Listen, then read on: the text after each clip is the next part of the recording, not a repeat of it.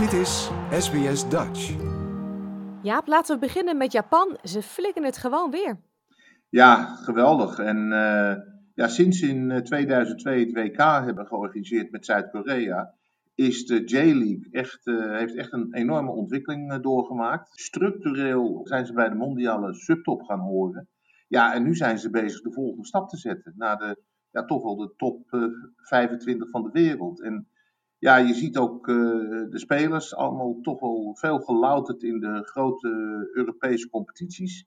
En ja, er is een soort samenhorigheid uh, ontstaan, wat te vergelijken is met dat van uh, Australië. Het is individueel springt er niet echt iemand tussenuit, maar als team is het ijzer ijzersterk. En ja, ze, ze, ze, spelen ook echt met, met met, met, met, uh, met, met, met een land in hun hart. Het is echt, uh, als je ook zag hoe die eerste goal, hoe die werd afgejaagd bij de Duitsers. Ja, dat was echt, het leek wat Nederland zelf in 74, weet je. Dat, dat, totaalvoetbal, dat afjagen van de tegenstander met, met het hele team tegelijk. Dat was uh, prachtig om te zien.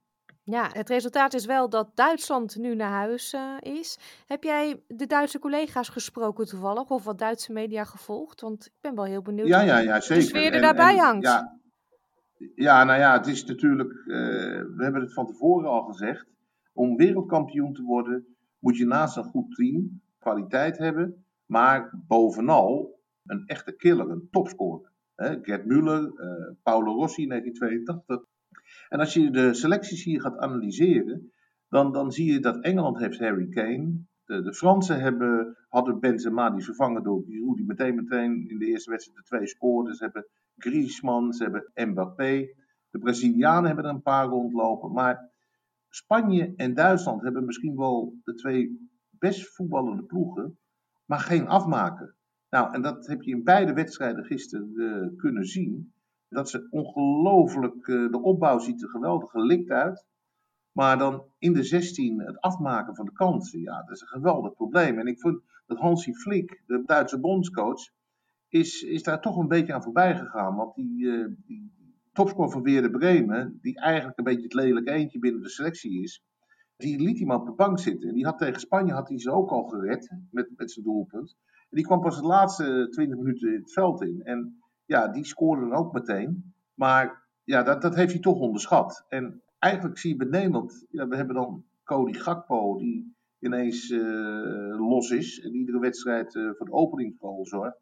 Maar Cody Gakpo is natuurlijk een hele goede voetbal, maar niet echt een topschutter. En ik hoop niet dat uh, Nederland straks een, een, een, probleem daardoor krijgt. Dat er geen uh, echte killer wordt opgesteld, waardoor je die ene slechte wedstrijd die je straks uh, toch hebt tijdens het toernooi, dat je dan, dan moet je toch iemand hebben die een bal per ongeluk op zijn achterhoofd of tegen zijn kont aan krijgt. Waardoor je toch een, een wedstrijd die op een super onverdiende manier toch gaat winnen. En zo word je wereldkampioen. En Nederland heeft dan, ik heb de trainingen dan gevolgd, die heeft eigenlijk maar één man die dat uh, in zich heeft, dat is Luc de Jong. Alleen ik heb het gevoel dat Louis van Gaal hem in de ranking als uh, zo'n beetje als uh, derde of vierde spits heeft staan. Dus dat gaat hem niet worden. Nee, Nederland, je zei het al eerder, moet wel een tandje bijzetten om van Amerika te kunnen winnen. Ja, absoluut. Ik, uh, tot nu toe zijn we. De groepsfase was natuurlijk niet om over naar huis te schrijven. De wedstrijd tegen Ecuador vond ik echt dat ze door een ondergrens zijn gegaan. Als je als liefhebber van de Hollandse school naar die wedstrijd hebt gekeken, dan denk je: wat is hier de afgelopen jaren gebeurd? Want het was gewoon niet aan te zien. En ja, vervolgens kreeg de wedstrijd tegen Qatar.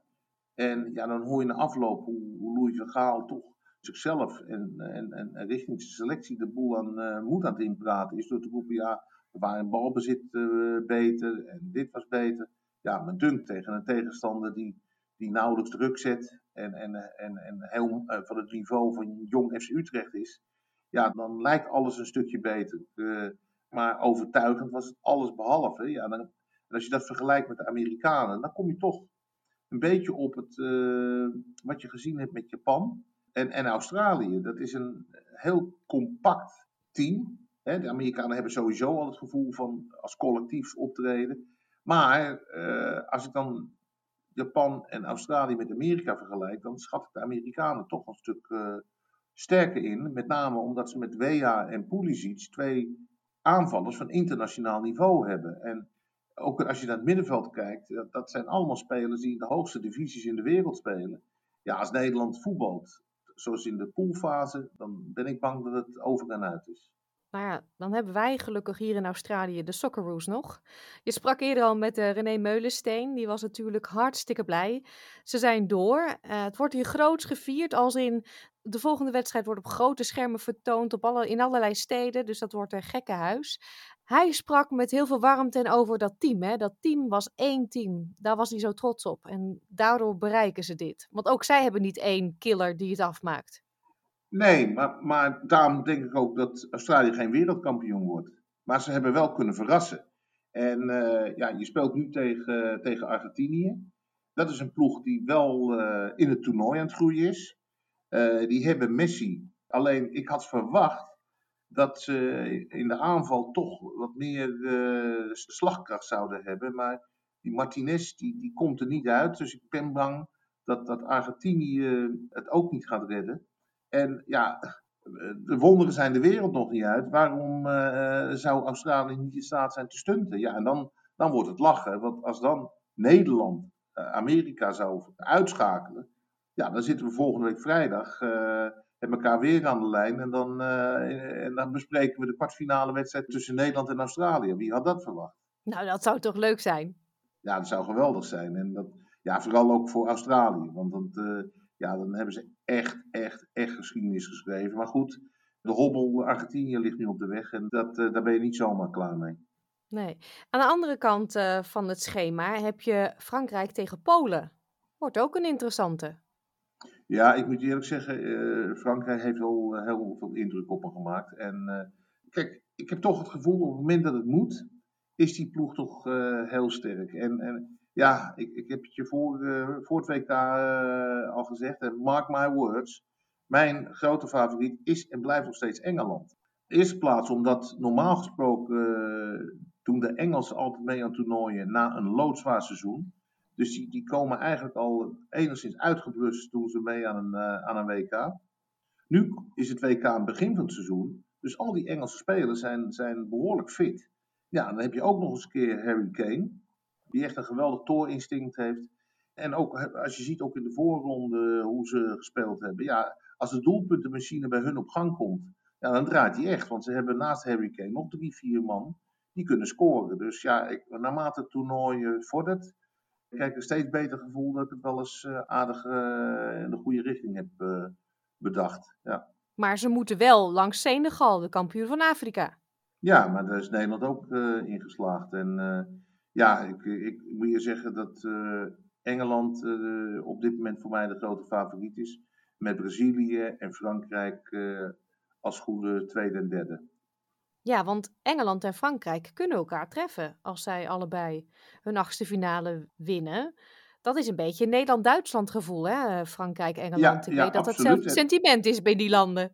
Ja, en ik, dat zou natuurlijk een geweldige wedstrijd zijn. Ook straks Engeland-Brazilië of Frankrijk-Brazilië. Dat soort wedstrijden. Omdat uh, al die teams hebben geweldig scorend vermogen. En dan, dan vraag je alleen af, in zo'n wedstrijd gaan ze dan op safe? Omdat ze dat van elkaar weten. Dat je dus verwacht een, explosie van, van offensieve kracht. Maar dat ze juist dan de wedstrijd dood willen gaan uh, leggen. Uh, of dat ze echt de vol gaan en dat je dan een, een, een wedstrijd, een, echt een, historische wedstrijd krijgt met veel doelpunten, veel mooie momenten en echt reclame voor het voetbal. Dus uh, de ingrediënten zijn er. En nu alleen afwachten of de, ja, het, het, het, belang van het resultaat, hè, uiteindelijk de finale halen en, en, en wereldkampioen worden, of dat dan toch de coaches dusdanig uh, beïnvloedt dat het meer schaken dan voetballen gaat worden. -hmm. Ja, het is link, ik weet het, maar ik ga je toch even uitdagen. Je voorspelling voor Nederland, USA en Argentinië tegen Australië, alsjeblieft. Uh, nou, ja, ik moet je iets onthullen. Ik ben een half Amerikaan. Uh, ik ben opgegroeid in Amerika. Mijn moeder is Amerikaans. Ik heb heel veel familie in Amerika zitten. Dus ik zit met een dubbel gevoel naar die wedstrijd te kijken. En eerlijk gezegd, als Nederland speelt zoals in de groepsfase, dan gun ik het echt dit keer Amerika. Argentinië, Australië, dan mijn, mijn verstand zegt Argentinië met een uitroepteken. En mijn gevoel zegt, ach, laten we nog een stunt erbij bij hebben straks. En dan, dan wordt het toernooi helemaal onvergetelijk in, in sportief opzicht dan. En laten we de Socceroos nog enkele stunten. Weet je. Dat zou een hele mooie, mooie Sinterklaas cadeautje zijn. Dus ik raad alle luisteraars van SBS Dutch aan om morgen een schoen te zetten. En misschien dat Sint een heel mooi cadeau heeft in de vorm van een kwartfinale plaats. Ja, je bent geslaagd voor het examen. Dit was het enige goede antwoord wat je kon geven bij SBS Dutch natuurlijk. Jaap, ik hoop dat we elkaar woensdag weer spreken. En dat we dan uh, vooruit gaan blikken op die uh, Nederland-Australië wedstrijd. Dankjewel en uh, veel plezier daar in het stadion. Dankjewel. Like, deel, geef je reactie. Volg SBS Dutch op Facebook.